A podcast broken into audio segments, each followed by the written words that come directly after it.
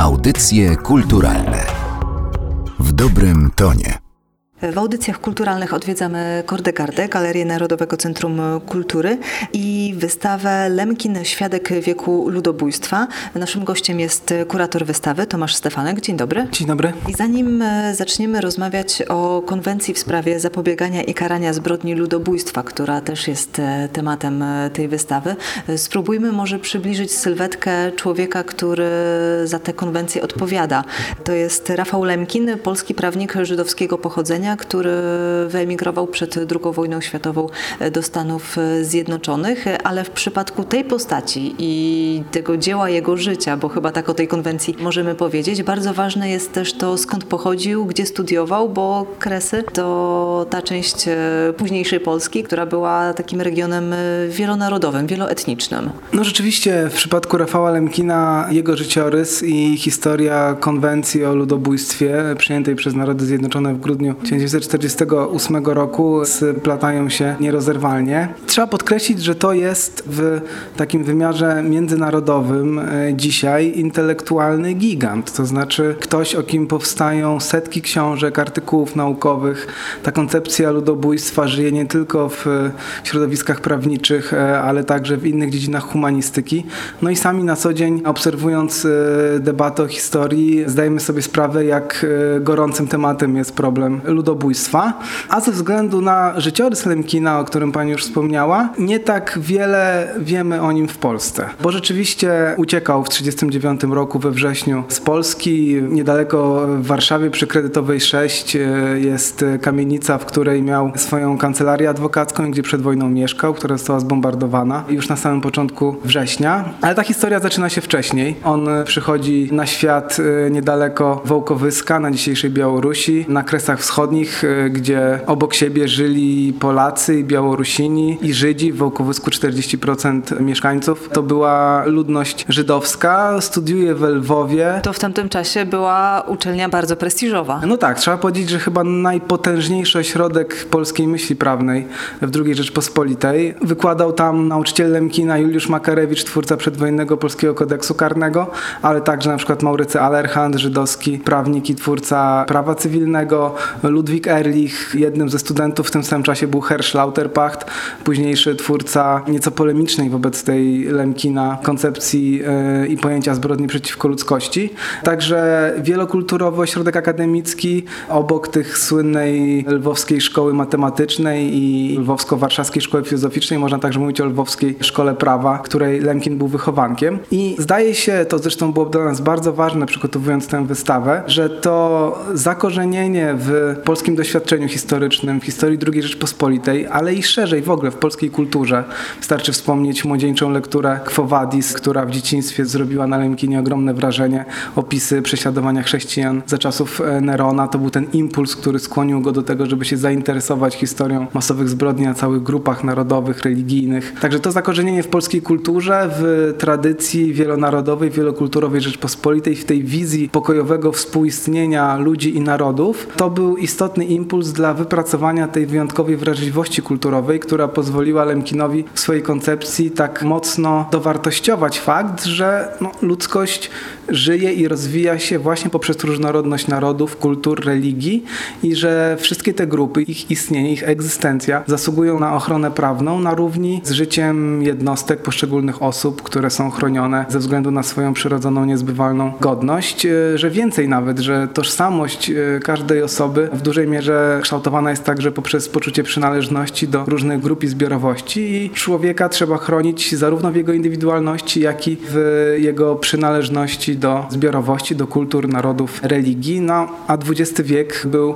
takim momentem, w którym tę zasadę bardzo radykalnie zakwestionowano i to właśnie tutaj na ziemiach polskich, w Europie Środkowo-Wschodniej skupiły się te masowe zbrodnie dwóch totalitaryzmów, które się kierowały no, wyjątkową logiką i intencją zniszczenia, starcia z powierzchni ziemi całych grup, narodów, kultur, religii. Znamienne jest to, że kiedy Lemkin próbował opowiadać w Stanach Zjednoczonych o tym, co się na terenach polskich dzieje, to niekoniecznie spotykało się to z dużym zainteresowaniem. Wręcz sporo osób nie wierzyło mu w to, że takie wypadki mają miejsce. I zadziwiające również jest to, że wcześniej w ogóle takiego pojęcia jak ludobójstwo nie było. Nie myślało się w ogóle o tego typu zbrodniach w tych kategoriach. Dlatego też zatytułowaliśmy tę wystawę Świadek wieku ludobójstwa, bo Lemkin jest e, jednym z tych ludzi obok Jana Karskiego, Nowaka Jeziorańskiego, Szmula Zygielbojma, nawet Witolda Pileckiego w jakiejś mierze z jego raportem, który e, w trakcie wojny starał się informować świat o tym, jakie są praktyki okupacji niemieckiej tutaj na ziemiach polskich, informować o masowych zbrodniach, o Holokauście. Przecież w zagładzie stracił niemal całą swoją rodzinę. To była także jego osobista tragedia. I rzeczywiście w Stanach Zjednoczonych, gdzie dotarł w 1941 roku i po raz pierwszy opowiadał o tym swoim uniwersyteckim kolegom, to się spotykało z niedowierzaniem. On opisuje w swojej autobiografii te pierwsze rozmowy. Ludzie raczej zmieniali temat, y, znajdowali sobie jakieś inne zajęcie. No a on był bardzo zdeterminowany, żeby świat o tym poinformować i żeby zmusić do interwencji i reakcji.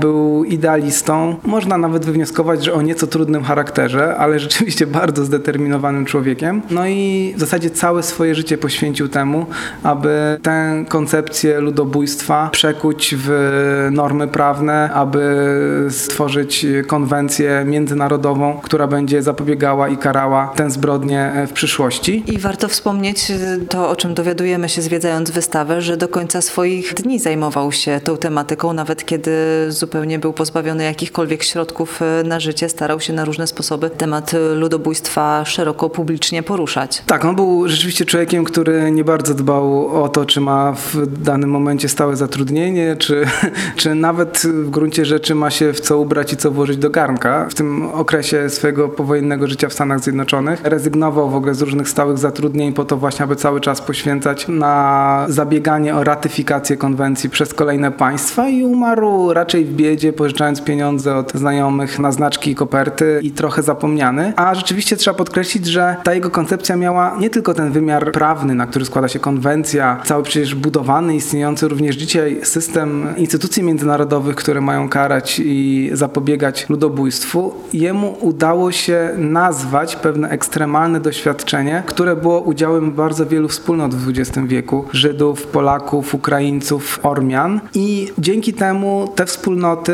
mają szansę zrozumieć to, co je spotkało, zrozumieć swoją historię, ale w konsekwencji także ją przezwyciężyć, to znaczy budować swoją pomyślną przyszłość, zachowując w pamięci to, co się stało, w szczególności zachowując w pamięci swoje ofiary, no bo przecież niezależnie od e, wsparcia wspólnoty międzynarodowej i instytucji, los tych wspólnot zależy przede wszystkim od nich samych. Dlatego w epilogu naszej wystawy pokazujemy takie symboliczne obrazy dotyczące państwa Izrael, rewolucji Solidarności, kijowskiego Majdanu, pokazując właśnie takie pozytywne starania tych narodów, które przeszły przez doświadczenie ludobójstwa w XX wieku, żeby to doświadczenie przezwyciężyć, nawet w oparciu o nie budować siłę i swoją przyszłość, swój przyszły los. A jeżeli chodzi o samą konwencję, na ile ona różni się, ta przyjęta już przez Organizację Narodów Zjednoczonych po tych rozmowach wielkich mocarstw, od tej propozycji, którą przygotował Lemkin? Lemkina uważa się rzeczywiście za ojca, twórcę tej konwencji, więc w ogromnej mierze to jest realizacja tej jego koncepcji.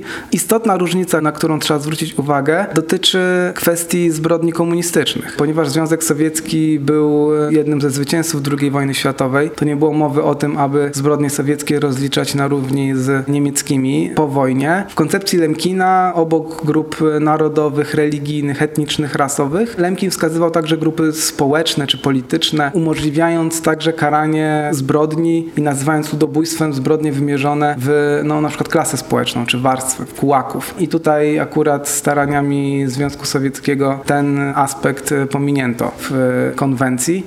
No ale Lemkin podkreślał także po wojnie, że ludobójstwo to jest dzieło dwóch totalitaryzmów, czy obu totalitaryzmów w XX wieku. W 1953 roku był jednym z pierwszych, który mianem ludobójstwa określił jedną ze zbrodni komunistycznych, e, Wielki Głód na Ukrainie. To jest zresztą na pewno jedna z przyczyn, e, dla których Lemkina w Polsce komunistycznej po wojnie nie publikowano, nie tłumaczono tych dzieł na język polski. Jedna z przyczyn tego, że nie znamy go tak dobrze i nie zdajemy sobie sprawy z wielkości wpływu tej jego koncepcji i także dlatego warto go przypominać na różne sposoby. Jednym z nich jest nasza wystawa. No właśnie, jaka była rola tej konwencji w momencie, w którym ona została podpisana, czyli 9 grudnia 1948 roku? Ona zmieniła bardzo dużo. No, to był taki moment rzeczywiście niezwykłego entuzjazmu po II wojnie światowej. Zdano sobie sprawę, że to doświadczenie wojny i tych masowych zbrodni jest czymś zupełnie wyjątkowym i specyficznym. No i że jest szansa na to, żeby zbudować nowy porządek międzynarodowy, który na trwałe zagwarantuje pokój i będzie także w stanie sprostać tym nowym wyzwaniom. Jednym z nich była właśnie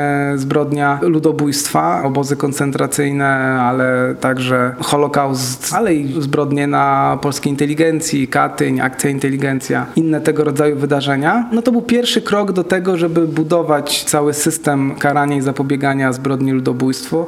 On jest tworzony aż po dziś dzień. Mamy przecież Międzynarodowy Trybunał Karny działający od 2002 roku. Pierwszy stały międzynarodowy sąd, który może sądzić i rozstrzygać innymi w sprawie zbrodni ludobójstwa, ale także innych zbrodni wojennych, zbrodni przeciwko ludzkości.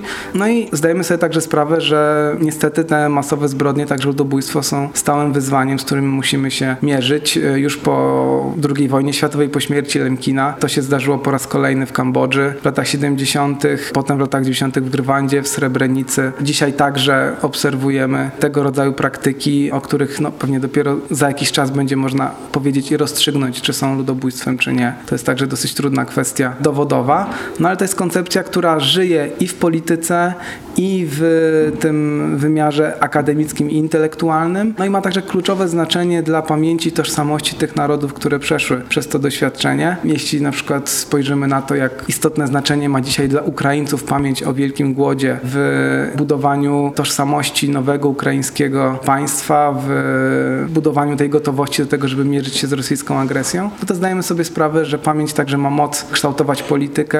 Jak nazywamy pewne wydarzenia, ma kluczowe znaczenie także dla teraźniejszości i przyszłości. W jakiej atmosferze politycznej ta konwencja była przyjmowana w roku 1948? Nie wszystkie państwa ratyfikowały ją e, od razu, to trwało. Ta koncepcja Lemkina oczywiście napotykała na opór. E, podstawową zasadą, na którą się powoływano polemizując z Lemkinem, no to była oczywiście zasada suwerenności państw. E, to znaczy wiele państw obawiało się tego, że oddając pewne kompetencje na rzecz wspólnoty międzynarodowej, dążąc do budowania całego systemu instytucji, pozbawią się własnej suwerenności w jakiejś mierze. Paradoksem jest to, że nowa ojczyzna Lemkina, czyli Stany Zjednoczone, których po wojnie stał się obywatelem, ratyfikowały konwencję dopiero w 1998 roku, czyli 30 lat mniej więcej po śmierci już Lemkina, decyzją Senatu po długich bojach i prezydenta Ronalda Reagana. Trzeba powiedzieć, że w ogóle budowanie tego systemu międzynarodowego karania i zapobiegania zbrodni ludobójstwa to jest po prostu długi proces i trudno także liczyć na to, że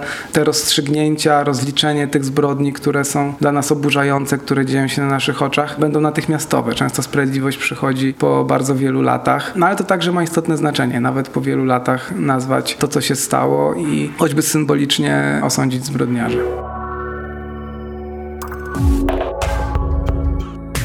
Materiał przygotowała Magdalena Miszewska. Audycje kulturalne w dobrym tonie.